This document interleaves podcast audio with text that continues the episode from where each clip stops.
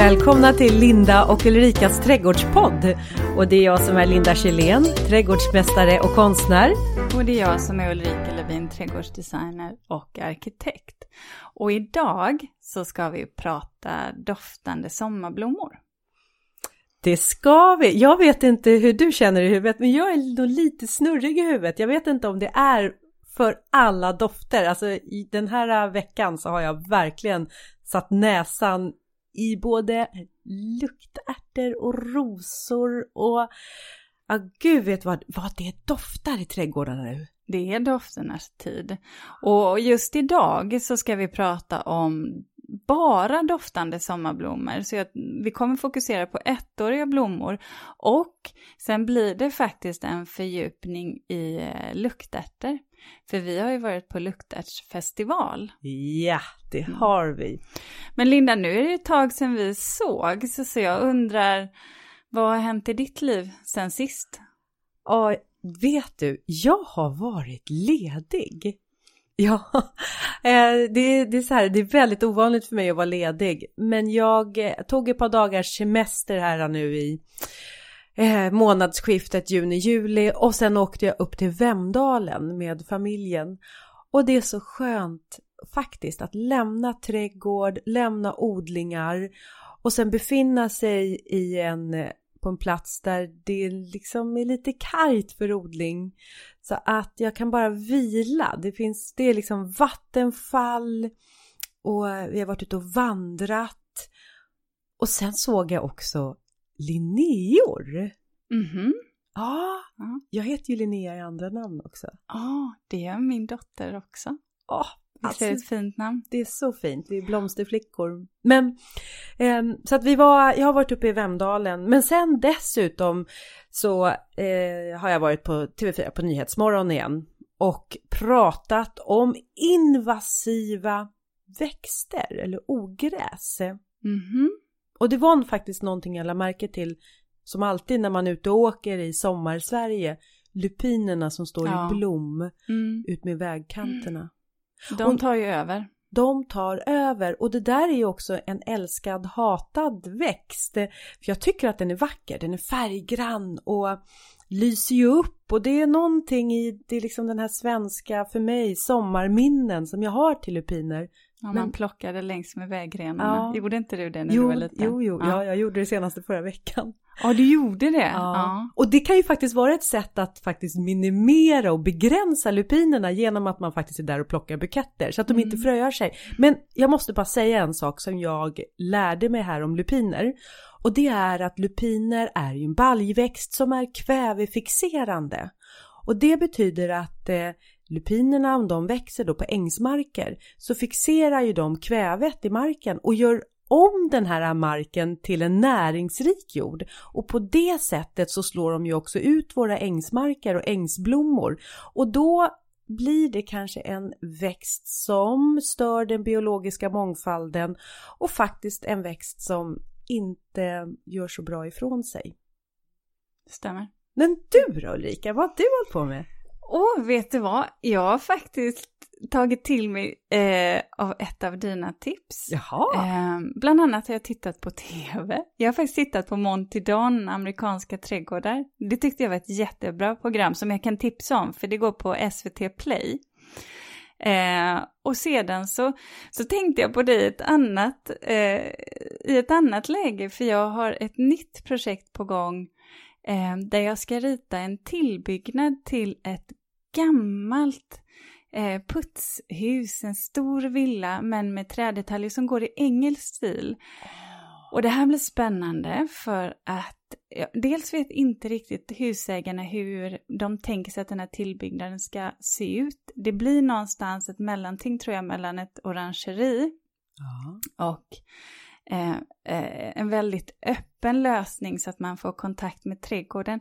Och huset är så speciellt Um, så det gäller att vara väldigt varsam i hur jag arkitektoniskt utformar det här. Så det tycker jag ska bli jättespännande. Och sen ska jag faktiskt göra en trädgård i Tyskland. Jaha! Ja. Nej men Tyskland, det är, ja. va? Så det blir lite roligt. Det måste vara en fjäder i hatten ändå. Ja, men det här, det är så här, det är en gammal kund till mig som har flyttat till Tyskland. De har en liten trädgård, så att jag tror att vi kommer sköta det mesta på distans. Jag tänkte säga det, måste du åka dit då? Ja, och frågan är väl i vilken mån man får mm. som svensk eh, resa. Eh, eh, över, över landsgränserna nu.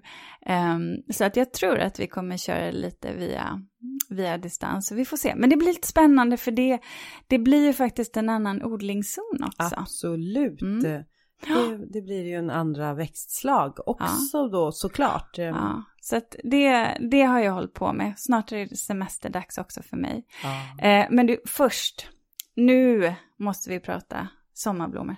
Ja. Doftande. Doftande sommarblommor. Det här är ju återigen, sommarblommor är inte något jag jobbar så mycket med. Um, så förutom luktärtor så har jag ganska dålig kunskap på vilka sorter som doftar. Mm. Och jag har listat åtminstone tre stycken sommarblommor som eh, som jag tycker är odlingsvärda. Men jag skulle först, innan jag nämner dem, så skulle jag också vilja ställa en motfråga till dig. Vet du varför blommor doftar? Ja, och det vet jag för att du har berättat för mig att det handlar om eteriska oljor, eller hur, som finns i, är det i blomman eller i bladen, eller både och? Ja, det, ja jag har inte riktigt riktigt, eh, jag känner lite att jag kan gå in på, vad säger man, djupt vatten. Ja, ja, så kan man väl säga. Du, ja. du är inte hundra. Nej, jag är inte hundra Nej. på det där. Ja. Jag tänkte mest, det är, nu, nu går ju du in på det här kemin varför. Men jag ja, det är liksom- klart. Liksom, ja, det är klart. Jag tänkte, gud vad avancerad du lika blev på en gång. Det kunde jag väl ana, men det var inte det jag menade. Jag menar varför, inte hur det kommer sig. Men ah. varför blom, eller varför doftar blommor? Ja, eh, har det något med att göra att man vill locka till sig saker eller stöta bort? Du, både och. Man, de vill locka till eller attrahera pollinatörerna att komma mm. till dem för att hjälpa till med då, såklart pollineringen. För att genom att man lockar pollinatörerna till sig så blir ju det en effektiv fortplantning skulle man kunna säga. Men precis som du säger så handlar det också om att man kanske, de kanske också vill avskräcka oönskade besökare. Men sen är det också så här att eh, det här pollina, pollineringssättet, eh, det beror också på alltså vilka pollinatörer. Det beror på också hur blomman doftar. Därför att eh, till exempel eh, hibiskusen har en ganska stor blomma, färggrann. Mm. Den doftar inte särskilt mycket men den, dess storhet gör att till exempel, eh, vad heter de här små fåglarna här, som är där och är pollinatörer, eh, de ser den här blomman. De går inte på doft och då det, behöver inte hibiskusen dofta därför att den lockar ändå till sig mm. pollinatörerna för att deras blomma är så stor.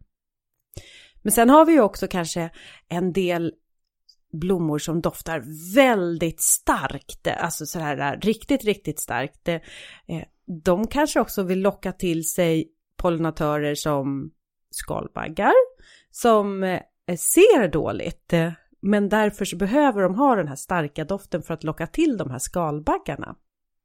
Mm. Och sen har vi ju de här alla våra pollinatörer då, vildbin och fjärilar och humlor till exempel. De dras till blommor som kanske mera har den här behagliga doften. Lite så här fruktigt och kryddigt. Och det är väldigt många just som eh, alla våra sommarblommor eller jag menar, nu är vi inne på rosor också för den delen, eller perenner som doftar. Så det beror lite på vilken eh, pollinatör blommorna vill locka till sig beroende på hur mycket de doftar och vad de doftar.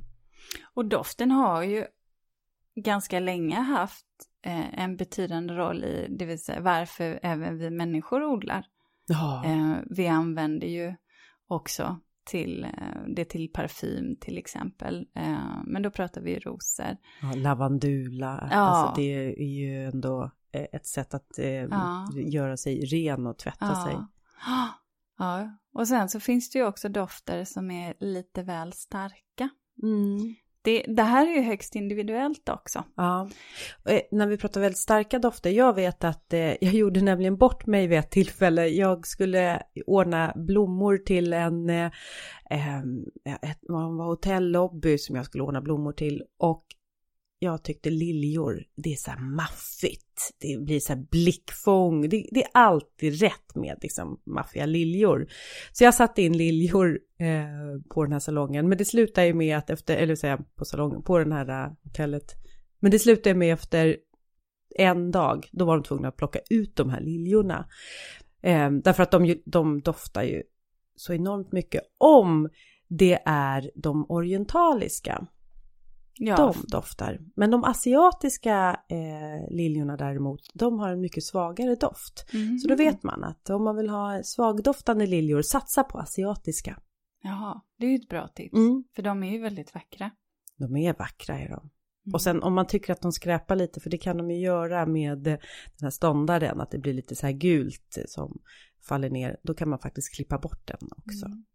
Men vad hade du för andra, vad hade du för sorter nu då som du ja. tyckte var odlingsvärda? Ja, sommarblommor nu då pratar vi. Som man kan så själv. Som man kan så själv. Mm. Det är intressant om man nu vill sådär svänga sig med latin. Ja, och då kan man veta om man hittar en sommarblomma som har något i sitt namn som heter odoratus. Självklart. Ja. Odör. Odör, ja. det doft, mm. lukt så. Då vet man att det här, har en, det här är en växt som en beskrivning på latin som har någonting med doft att göra. Och den första, den heter faktiskt Reseda odorata. Mm -hmm. Är det en luktreseda? Ja, mm. det är luktresedan. Den är ganska oansenlig i sin, eh, sitt utseende. Den har lite av en så ängskaraktär. Och jag tycker att den fungerar att eh, just odlas som en eh, vävande växt i en sommarblomsplantering. Sen tycker jag ju att den egentligen luktrusedar. För mig är så här, lukt, då är det någonting som luktar illa och doft och någonting som doftar gott. Så jag mm. skulle egentligen vilja att den hette Doftriseda. Eh, för den, eh, den doftar kan man säga som fruktkarameller. Jaha. Ja, lite så här ja, men sött, fruktigt. Ehm, eh, ja, men den är sån här som man verkligen vill sätta som alla, många doftande växter, man vill liksom bara, åh, så här, bara pilla den och ha den nära näsan hela tiden. Alltså den doftar inte så här vräkigt. Men eh, eh, väldigt fin att ha i buketter också. Har du odlat den i år? Tänk att jag har odlat den. Alltså jag har ju, jag har ju en, eh, en eh, frökollektion som heter Noga utvalda sommarblommor. Och för mig var det viktigt att få in just luktrisedan för att plocka buketter på sommaren handlar inte bara om att det ska vara eh, vackert att se på utan jag vill ju att det ska bli som, eh, jag menar att de ska fylla rummet med väldoft. Men vet du, då, då, då har jag en, en förfrågan. Kan Jaha. inte du göra så att när vi ses vid en podd och den blommar, mm. att du tar med dig luktreseda? För jag, jag tyckte det, det, så som du beskrev doften, det där kände jag bara att jag måste få dofta ja. på den. Jag, ska, jag lovar, mm. jag kan nog plocka en hel bukett ja. med fruktkarameller till ja, dig. då är jag nöjd. Nummer två då? Ja, okej. Okay. Ja, luktrisedan var det här då. då. Mm. Nummer två, det är heliotrop. Ja, bra ja. val. Det gillar vi. Ja, och den heter på latin då Heliotropium arborescens. Arborescens, det står ju för att det är någonting som är trädlikt. Och då syftar man på skälkarna som kan bli förvedade med åren, det vill säga trädlika. Men här i Sverige så är det en ettårig sommarblomma. Man kan kanske få den att övervintra. Den doftar mer av vanilj och honung. Ja, den har en ganska söt doft. Ja. Och, och tycker jag passar sig lämpligt i kruka också och, och gärna vid en uteplats. Om den får stå lite, lite soligt också så att det där på kvällen, ja. att den får dofta lite extra. Många utav de här just eh, doftande sommarblommorna, de doftar som mest när det är varmt och just vid skymningen är det. Men eh, heliotropen ska vi också beskriva hur den ser ut. Eh, vill du beskriva? Heliotrop? Ganska flata blomställningar, som korgar nästan kanske man kan säga det som, eller flata. Ja. Eh, ganska stark violett färg. Mm. Lite djupare, mm. mörkgröna blad. Ja. Lite busklik skulle jag nästan vilja säga att den är. Ja, det är den. Det håller jag med om. Och det som är spännande med just heliotrop, det är ju att den doftar, som vi pratade om, vid skymning och på kvällarna, nätterna. Och det är också därför att den lockar ju till sig då nattaktiva fjärilar. Så att det här är ju också en växt som eh, eh ja, man verkligen ska ha vid sin uteplats tycker jag. Ja, och där, där kan man ju alltid säga så här, ett, ett, ett tips. Eh, när man har doften eller växter som drar till sig pollinatörer och som där också doftar så att man också själv vill känna doften.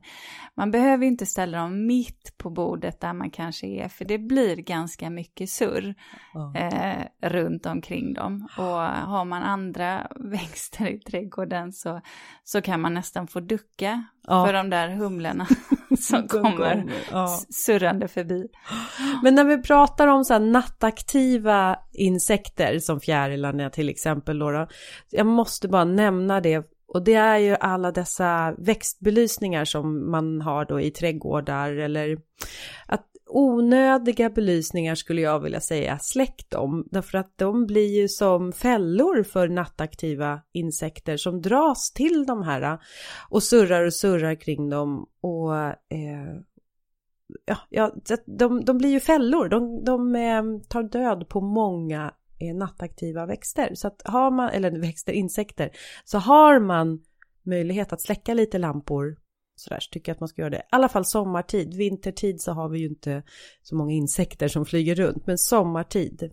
Och det är väldigt, väldigt sällan man i, under sommaren behöver ha särskilt mycket ljus. Mm. Faktiskt. Ja, ja. Så det kan man tänka på. Ja. Okej, okay, det var heliotropen då. Nu har vi haft luktreseda, heliotrop och nu kommer den tredje. Ja. Och det är chokladblomman det där, ja men det är ju faktiskt en favorit. Vad ah. snygg den blomman är. Alltså jag förstår att det här är en blomma som du verkligen tycker om. Ja. Mm. Jag tycker också om den så det är inte det. Men eh, jag, jag, ser framför mig att det här, har du använt dig av den i planteringar? Många eller? gånger. Ja, Många gånger, ja. ja. I, I olika eh, sammanhang och gärna kanske med någon liten mörkare klöver eller någonting som får slingra sig ner. Jag tycker den är väldigt, väldigt effektfull. Ja.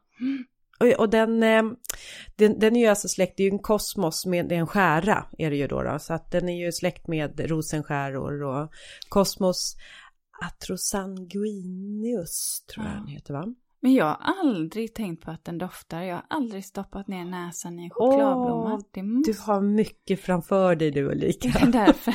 ja, nu kommer Nu kommer så mycket kvar att uppleva. Okej. Är det därför den kallas chokladblomma? Ja, det är faktiskt ja. det. Det är inte bara för att den har de här eh, mörkrött till liksom mörkbruna mm. kronbladen, utan just också därför att den doftar kakao. Men och... hur kan jag ha missat det här? Jag älskar ju choklad. Jo, men du älskar ju choklad ja. Ja. Ja, men eh, okay. då, då, tycker jag att i dina sommarblomskrukor i år, ut och sätt det i lite chokladblomma men, men, och så sniffa på dem. Men hör du hur det blir här nu? Fruktiga karameller, vanilj, mm, choklad. Honung. Ah, det låter gött. Ja, nu blev jag också lite ja. godissugen. Ja. Så den, den skulle du ha som nummer tre då? Ja, det blir eh, den ja. Eh, nummer tre. Ja, men eh, ska vi gå in på eh, Ja.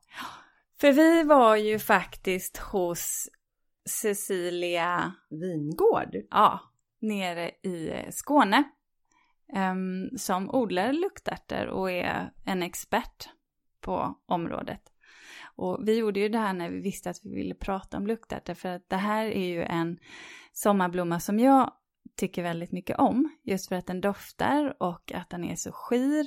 Jag har inte odlat den själv och vill så gärna försöka men jag har fått för mig eh, efter att ha läst och lyssnat att det kan vara så himla svårt. Och då har jag blivit lite avskräckt. Eh, och sen så känner jag alltid att jag varit för sent ute. Eh, men sen när vi var där igår och sen när jag pratat med dig så har jag på något sätt förstått att så himla krångligt är det inte. Nej. Så jag tänkte att vi skulle faktiskt gå ner på djupet när det gäller luktärtor och att du också Linda får dela med dig av, av praktiska tips. Mm. Ja, och där har vi ju än en gång luktärt, Latyrus odoratus. Eh, eh, såklart, det står ju för eh, att det är en do- väldoftande blomma. Och den är inte så svårodlad. Jag skulle snarare säga det man gör lite misstaget med den, det är att man inte behandlar den styvmoderligt. Vad menar du med det? I början när man sår sina luktärtor då ska man behandla det styvmoderligt. Alltså du ska så dina luktärtor och eh, när de har kommit upp, börjat, de har alltså börjat gro och när de har kommit upp ungefär 10 centimeter då är Cecilias tips att du ställer ut dem utomhus. Och man tänker men herrejösses det ska ju bli minusgrader i, i natt. Ingen fara, luktärtor klarar ner till minus 9 grader enligt Cecilia. Och det gör att du får ganska kraftiga plantor och du får eh, luktärtor som är, blir tuffa. Alltså luktärtorna kommer ju faktiskt ifrån medelhavsregionen, alltså ner mot Italien, där man har ganska kalla vintrar. Och där nere är de ju perenna. Mm. Och det gör att behandla luktärtor, åh att de får, man driver ju alltså igång dem så att de står kanske två veckor inomhus och sen så flyttar man ut dem. Men att driva igång luktärtor inne under ett par månaders tid, två månaders tid, en månads tid innan man flyttar ut dem. Det är inte att få starka livskraftiga luktärtor. Mhm. Kyla. Mhm. Och vad är nästa steg sen då? Mm. När man har fått de här att gro, då tycker jag att man ska plantera dem såklart i en näringsrik jord. Och har man eh, luktärtor som blir ungefär, alltså de här som blir två meter, två och en halv meter höga, 20 liters kruka, fem plantor i varje kruka får man plats med då. Och då ska det vara näringsrik jord men den där näringen räcker inte längre än, ja, men, än tre veckor. Sen måste man fylla på. Och jag vet att Cecilia, hon odlar visserligen sina luktärtor på friland. Men hon ger alltså kväverik näring en gång i veckan under hela hennes blomstersäsong. Och det där blev jag alldeles ställd av, för det, det hade jag aldrig trott att man skulle ge det en gång i veckan. Inte jag heller faktiskt. Men då, när, när Cecilia, Cecilia pratade om det här igår, hon använde ju hönsgödsel. Och då kände jag på en gång så här att, oh, det kommer ju inte funka hos mig. Vad, vad tar jag då för kväverik gödsel? Alltså det är ju kväve, alltså det bästa kväverikta gödsel det är ju hönsgödsel. Sen kan du såklart alltid gå på med eh, kogödsel. Men det blir så mycket jord i det, det blir lite för mycket. Du kan använda dig av guldvatten, det vill säga att du blandar ut urin med vatten. Ja, känns sådär också kanske. Ja, det kommer ju inte hända hos mig. Så att den, den, ja, det- jag förstår att man kan göra det, men jag kommer inte göra det. Det finns ju biobakt. Mm. Och det är ju ett eh, ekologiskt Mm. eh, eh, sånt näring, flytande, som man alla gånger kan använda också. Eh, men så att det är ju, eh, ja, jag skulle nog säga att det är de, de, du har de tre eller fyra alternativen. Mm. Okej, Är då vet man det. Mm. Men du sa ju att de här luktärtorna, alltså två, två och en halv meter höga, det är ju ganska rejäla eh, växter och de behöver ju stöd, så att de behöver ju något att klättra på. Mm. Mm. Vad använder du? Jag har en olika klätterstöd. Jag har dels armeringsjärn som jag har format som eh, eh, en tippi kan man säga. Du vet Mm. ett tält sådär. Ja. Ja. Eh, armeringsjärn och sen så har jag även mina björkkvistar, alltså eh, kvistar. Jag vet att det där har vi pratat om att man kan uppfatta det som lite, lite risigt att det ser ut det när man ställer ner döda kvistar. Ja, det, är för att eh, jag har sett det på några ställen och jag kan ju tycka att det, om man då inte placerar dem noggrant och leder upp sina växter på ett sådant sätt så att de här kvistarna döljs, mm. så blir det ju lite skräpigt. Mm. Och, det, och då vet jag, jag hade en gång vi pratade med Cecilia, att hon sa fördelen med, eller nackdelen med de här äh, björkriset, det är ju att eh, luktärtorna har sina klängen.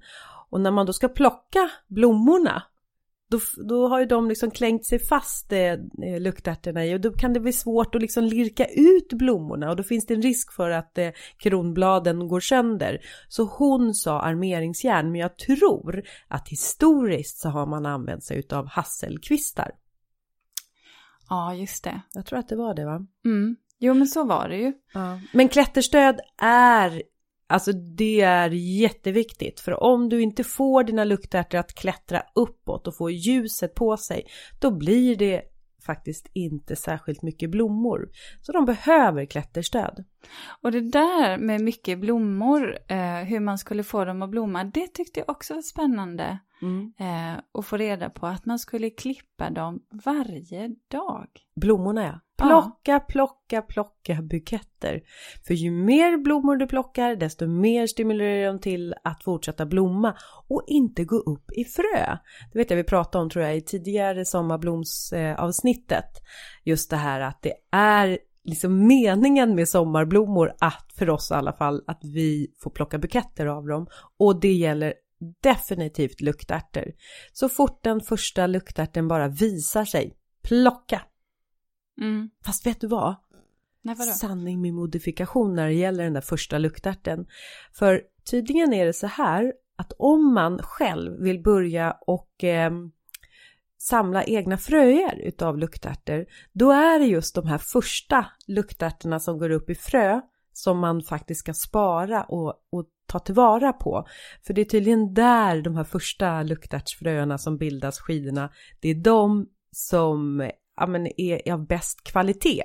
Så om man vet att nej, men de här, den här sorten vill jag nog spara till nästa år, ja men då kan man ta de där fröerna mm. och inte vänta till oktober liksom. För då är det som mm, inte riktigt lika bra grobarhet tydligen. Mm.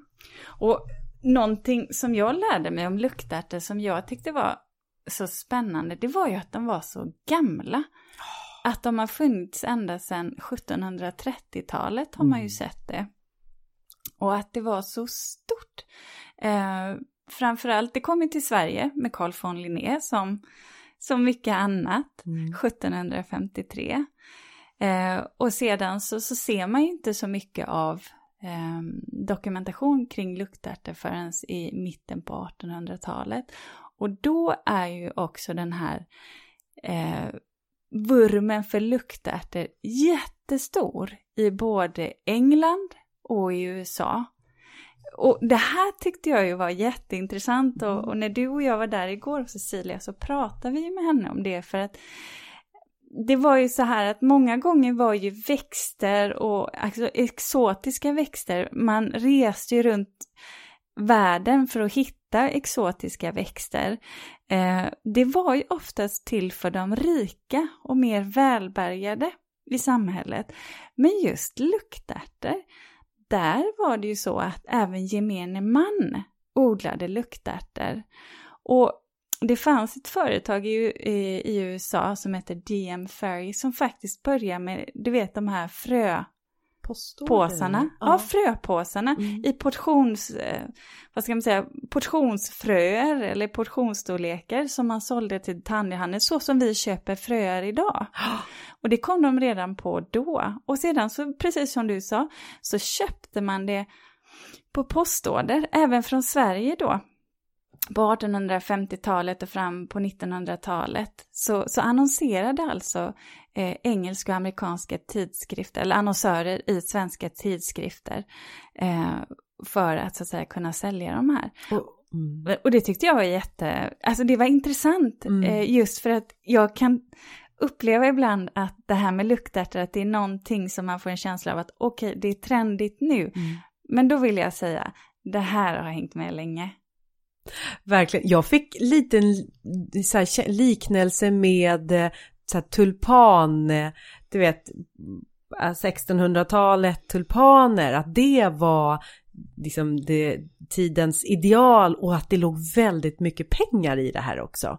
Och, och för så har det ju varit med luktärtor också att eh, de som sålde fröerna de blev ju nästan till miljonärer, eller hur? Det var ju nästan så. Jo men det var ju det. Och det som slog mig var ju att de som har förädlat luktärtorna är ju främst män. Ja. Lärde vi oss. Mm. För då skulle jag vilja komma in på Henry Eckard och kanske skillnaden mellan Spencer-hybrider och Grandiflora. Ja. Och då är det så här att, eh, hette han inte Henry Eckford? Vad sa jag? Eckard. Eckford. Eckford va? Ja. ja. Det, är- det, är- det, vi brukar ofta podda på förmiddagen Ja. och nu poddar vi på kvällen. Dålig tid för mig. Ja, men, men det gör ingenting. Det är därför vi är två vet du. Men okej, eh, Henry Eckford då, han var ju den som eh, tog fram de här gamla sorterna kan man väl säga. Han står för de gamla sortens luktärtor. Och då kallade man dem, eller heter de, Grandiflora. Och Grandiflora sorterna äldre luktärtor, de kännetecknas av att de har mindre blommor, kortare skälkar, men starka dofter. Och det är ju liksom något man nästan är ute efter va, när man håller på med luktärtor, de här starka dofterna. Sen har vi ju spencerhybriderna och de är lite mera, skulle jag tycka, kanske lite mer modernare. Fast de är så moderna, vi pratar om då 1900-talets början. Men, men här tog man då fram korsningar som gjorde att man då fick fram eh, luktärtor med större blommor och dessutom fler blommor per skälkar och skälkarna blev, blev långa. Och, men, men de doftar mindre. Men kan ju vara bra eh, vid tillfällen där man inte vill ha så stark doftande som i, i brudbuketter. Ja, och det är just det de här eh, Spencer-hybriderna då som får de här långa skälkarna lämpar ju sig speciellt just till buketter. Så att man om man nu har de här eh, grande Grandiflora då äldre sorterna då kan det ju vara så att man faktiskt behöver gå in och klippa på själva eh, luktärtens eh, huvudskälkar och då klipper man ju också bort väldigt många blomanlag. Men eh, om man nu bara vill plocka blommorna, då är just de här spencerhybriderna att föredra. Och, och skulle det vara så att man nu är doftkänslig eh, men ändå tycker att luktärtor i sig är väldigt vackra, då finns det faktiskt en sort som i princip inte doftar alls och den heter Almost Black. Och den är så här riktigt, riktigt mörkt, mörkt purpur. Ni hör ju nästan svart. Väldigt dramatisk. Och den, den blir också ungefär 2,5-240 centimeter hög. Mm. Så den kan man ju faktiskt eh, satsa på om det är bara så att man gillar själva luktärten i sig. Mm. Du sa brudbuketter och jag förstod, har förstått det att det är många som just har luktärter i brudbuketterna. Och Cecilia sa just det att till henne där hon har sin stora luktärtsodling är det väldigt många som kommer och besöker vid sina bröllopsdagar. Så gör de det tillsammans och så har de då berättat för henne att nej men vi hade väl luktärter i brudbuketten och vi firar guldbröllop eller något så därför vill vi komma hit. Och jag tänker just på att luktärtor, det finns mycket nostalgi kring luktärtorna och mycket minnen. Och är det inte så att mycket minnen också sitter i dofterna, doftminnena, att de blir kanske lite extra starka och levande? Jo men det tror jag. Och det, det där har jag funderat mycket på själv. Och jag tänker många av mina utomhusminnen, barndomsminnen och så vidare handlar ju mycket om sommartid. Alltså på sommaren när sinnena är öppna och dofterna finns där. Mm. Ehm, så ja, jo men jag tror dofter, det, det är kopplat till mycket. Och sen, ja, det var, jag hade en, en ganska roligt möte därför att jag var på Nyhetsmorgon här i måndags var det för, ja. Och eh, kvällen innan jag då ska vara med på Nyhetsmorgon så är jag ute vid min eh, sommarblomsodling och så tittar jag på de här luktärtorna och ser att det finns många skälkar att plocka. Jag tänkte jag plockar en bukett och tar med mig till eh, Nyhetsmorgon. Jag ska inte alls prata luktärtor eller doftande blommor, jag ska prata ogräs. Så det här är så långt ifrån ogräs man kan komma. Men jag tänkte jag tar med mig, det finns säkert någon som jag kan ge den här buketten till. Jag tycker det är, det, det är så lätt att göra andra glada genom att bara liksom en liten bukett. Och så sitter jag då i, man kan säga som i green room, alltså det är där vi sitter och väntar på innan vi ska gå in i sändning, alla som är gäster i programmet. Och då börjar jag prata med en annan gäst eh, och då så berättar jag då om att eh, jag ska vara där och prata ogräs och då så säger den här gästen, åh, och berättar hon om ett minne som hon har att eh, eh det här att gäller att veta att man sorterar bort rätt saker i sin trädgård och inte börjar rensa fler, fel saker. Och så berättar hon om sin farmor bland annat. Ja, en lång historia. Vad jag vill landa i det är i alla fall att hon kommer in på sin farmor och då glittrar lite ögonen hos henne och så sa hon det. Ja, och min farmor hon hade de mest fantastiska luktarterna i hennes trädgård. Det är verkligen barndomsminnen för mig. Och då tänkte jag så här, gud, jag har ju med mig luktärtsbuketten. Sådär lite, när jag var inne i studion, så att efter att jag hade varit med gick jag och hämtade den här luktärtsbuketten och gav henne. Och hon blev så lycklig. Det var liksom tio små luktärtor, men that made her day. Ja, det låter det som. Ja, ja. det var en, ja, just nostalgi och minnen. Um, vi köpte ju några luktärtor, eller jag, jo, men jag köpte några luktärtor. Ja, men det gjorde jag också. Ja. ja. Uh, och innan vi går in på dem så vill jag bara säga en sak som jag tog med mig i alla fall, som jag tyckte var jättesmart, det var hur man förvarade sina luktärtor, alltså fröna. För det är ju inte alltid så att man använder en hel påse fröer. Nej. Eh, och då sa faktiskt Cecilia att lägg dem i frysen. Täpp ja. till dem i en liten plastpåse eller någonting. Sug ut luften eh, och lägg in dem i frysen så håller de i alltså flera år, till och med decennier. 47 år tror jag. Oh någon hade förvarat, någon av de här förädlarna det. Ja, det hade bevarat luktärtor i. Och det hade funkat alldeles ut, utmärkt. Han hade tagit fram det för något år sedan och, och testat. Just, ja, och då kommer jag på en annan sak här apropå förvara i kyl och frys. Men när man sen plockar fram de där och du ska driva igång dem då för att de ska väckas, då är det ju bara att ta ut dem i värmen. Men de ska inte läggas i vatten vatten. För det är någonting som man gör med många andra baljväxter, att man lägger dem i vatten därför att skalet är så hårt så att den behöver lite hjälp att luckra upp det där skalet. Men det ska man inte göra med luktärtor därför att då finns det en risk för att de snarare ruttnar. Så att, ehm, och det kan ju vara många som gör fel, att man lägger dem just i vatten för man tänker åh, de här ska ligga nu ett par dagar eller ett dygn i vatten. Nej, det ska de inte. Nej, bra tips, det tar vi med oss. Men då ska vi se, Eh, ja. Får jag se, vad, vad, vad har du valt för några? Ja men jag var bara tvungen att, att ta just det, Henry Eckford eh, och en av då hans allra första. Och nu kommer ni ihåg att Henry Eckford det är ju Grandiflora va? Det är gammeldags sorter. Så för att jag Ah, om ni som kanske har sett hur jag ser ut, jag har rött hår, jag älskar alltså orange och röda färger, orange, alltså det är för mig och det är väldigt sällan som man kan hitta en orange eh, luktärt. Så att den här Henry Eckford är en luktärt med orangeröda väldoftande blommor som blir uppåt två meter hög. Sen har jag valt en annan också och den heter Just Julia.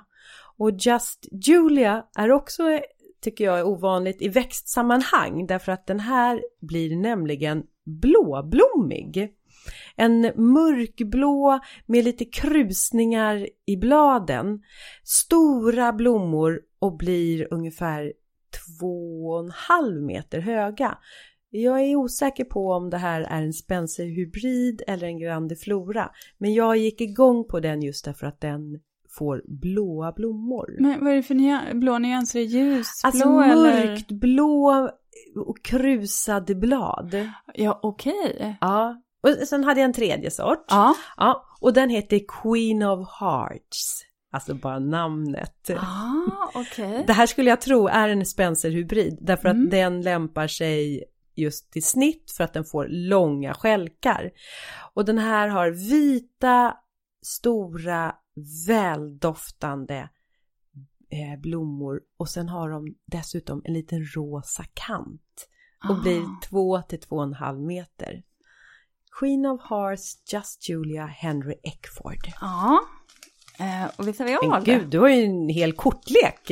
Ja, men många vet, vet du vad? har. Så här, eh, eh, det var inte jag som valde de här. Det här. Nej, utan jag hade två små Ja, barn du hade dina, dina, dina, precis. som var med. Ja. Så att jag sa så här, ni får ta dem ni tycker är fina. Och så sa jag väl, jag, jag vill ha en vit sort. Ja. Och det fick jag. Ja. Som heter Juliet. Eh, det är en eh, krämfärgad eh, luktart.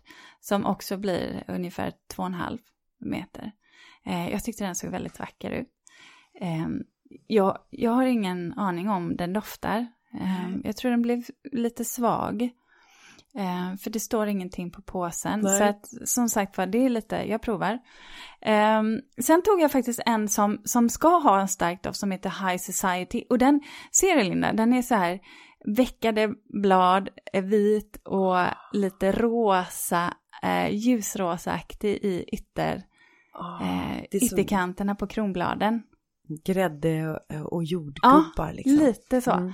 Och sen så var jag, jag var bara tvungen Ja, att ta den. Den Linda. där, hade jag, den där höll jag ju faktiskt. Linda Carroll. Eh, och, och den är vit också med rosa röda kanter. Och så ser den nästan ut, den har teckningar så det ser nästan ut som man har sprayat, Ja. du vet, med en spray, Mm. hårspraysflaska eller sprayburk på den. Just det. Så här små, små prickar. Så, så de ska jag testa. De ska... Men du, eh, jag tänkte också på eh, en sort som, som vi tittade på, för om man nu då inte har möjlighet, nu har vi valt ganska långa sorter som vi tycker var vackra. Men det finns ju en sort som är väldigt bra om man till exempel vill ha den i en kruka eller en balkonglåda om man har om man inte har en stor trädgård. Mm. Och vad hette den? Du, den eh, heter... Ja, men gud. Eh, den heter... ehm, eh, vänta nu, den, vänta, jag, ja, jag hade den här. Det var något på O. O. O. Lavendel, var det inte det? Men vet du vad? Du, let... Jo, jag vet. Ja, Den heter Cupid Lavender. Ja, Mm. Cupid Lavender. Den blir ja. 25 till 30 centimeter hög. Ja, Och lavendellila doftande med korta skälkar. Och det som är bra som vi sa att den passar att ha balkong, det är att den eh, bara behöver ha ungefär 15 centimeters jorddjup. mm, Och det är bra. mm. Men eh, Cupid Lavender, det satt långt inne. Vi får skylla på att det, det är lite senare på Ja, dagen. Och vi är faktiskt, vi är faktiskt eh, framme vid slutet av, av podden. Eh, och jag tänkte att vi skulle avsluta som vi brukar göra med, med veckans spaning eller reflektion. Så jag tänkte låta dig gå först, Linda. Mm. Ja, jag har ju en reflektion för nu har jag, man kan säga nu, nu står det här näst semester. Och då har man ju jobbat nu en hel vår och den här våren eh, blev jag ju kan man nästan säga utan jobb i, på grund av corona epidemin. Och eh, men jag är väldigt tacksam över ändå att eh, man har lite av ett skyddsnät, man har bra samarbetspartners eh, som finns där i, eh, i med och motgångar. Och att jag har eh, faktiskt gjort att jag har faktiskt vågat testa på olika andra sätt att jobba på. Som till exempel med den här podden. Men jag har också börjat att filma en hel del och göra egna små kortfilmer. Och ehm, eh, jag känner mig väldigt, men på ett sätt stolt över att jag faktiskt har överlevt den här våren som trädgårdsmästare. Och sen har det ju varit såklart en väldigt bra säsong för oss som jobbar inom trädgårdsbranschen för att den eh, har gått på högvarv. Det har, vad ska man göra om man är hemma? Det är klart man måste odla. Så att det, det är min bara reflektion, att jag är glad att jag har gått i mål. Ja, och det kan jag ju verkligen förstå. Och du då Ulrika? du satt där och... Ja, satt och laddade. Ja, du sitter och laddar. Nu jag vet, man vet aldrig vad som kommer. Nu har jag ingen aning om. Nej, nej, men vet du vad? Jag tänker faktiskt på en sak som har gjort mig glad i veckan. Och jag, tänk, jag har tänkt på möten med människor. Eh, och att jag ändå tycker att det är väldigt roligt att få hjälpa människor. Eh, med det jag kan bidra med. Eh, och det var så här att jag, eh, jag sprang på en person eh, som var väldigt viktig för mig för några år sedan. En fysioterapeut som hjälpte mig eh, eh, när jag hade ganska mycket smärta relaterat till en axel. Eh, men hon, hon, stod, hon stod pall och hon stöttade mig. Eh, och sen så tog livet en ganska tvärvändning för henne så att hennes liv blev väldigt annorlunda. Och så träffades vi och hon berättade att de hade köpt ett hus och så sa hon, vet du vad, jag hör av mig till dig Ulrika. Eh, och det här var för två år sedan och så ringde hon. Mm. Eh, och så fick jag åka ut dit och den här gången faktiskt hjälpa henne. Och hon är en sån person som, du vet, vissa personer har hjälpt en genom livet och som man har ett särskilt man har en särskild plats i, i hjärtat för dem. Hon är en sån person för mig. Eh, och nu fick jag hjälpa henne. Ah. Och det kändes väldigt, väldigt bra. Så, Så det, det, det, är ett djup i det, det har insett. Mm. mm, det är det. Och det var, det var faktiskt väldigt roligt eh, att få göra. Mm. Eh, sen har jag en annan reflektion. Jaha. Väldigt kort. Har du märkt någonting med dagens avsnitt? Har jag märkt någonting med dagens avsnitt? Ja. Vi har varit eniga. Vi, vi har inte varit oeniga en enda gång. Det har vi inte. Nej, jag tänkte på det nu. Ja, fast jag tycker nog att det, alltså jag, jag vet ju när vi inte är eniga. Jag har ju liksom börjat att, att rama in dig så att ja. jag vet ju, så jag kan ju lite provocera och säga nu tycker jag om Bergenia och så vet ja. jag att du kommer du reagera. Du gör det till en grej. Ja. Vi får se hur det blir nästa podd. Och som alltid, Ulrika och Linda eh, heter vi på Insta och där kommer vi lägga ut information som är kopplad till dagens avsnitt. Massa bilder och vi kommer ha på stories också. Ja, och sedan så finns det ju också flera andra avsnitt som jag vill tipsa om, bland annat om man vill veta mer om sommarblommor. Ja. ja det säger så Linda. Ja, men det gör Tack för idag. Ja, hej då på er alla som har lyssnat. Hej då! Hej då!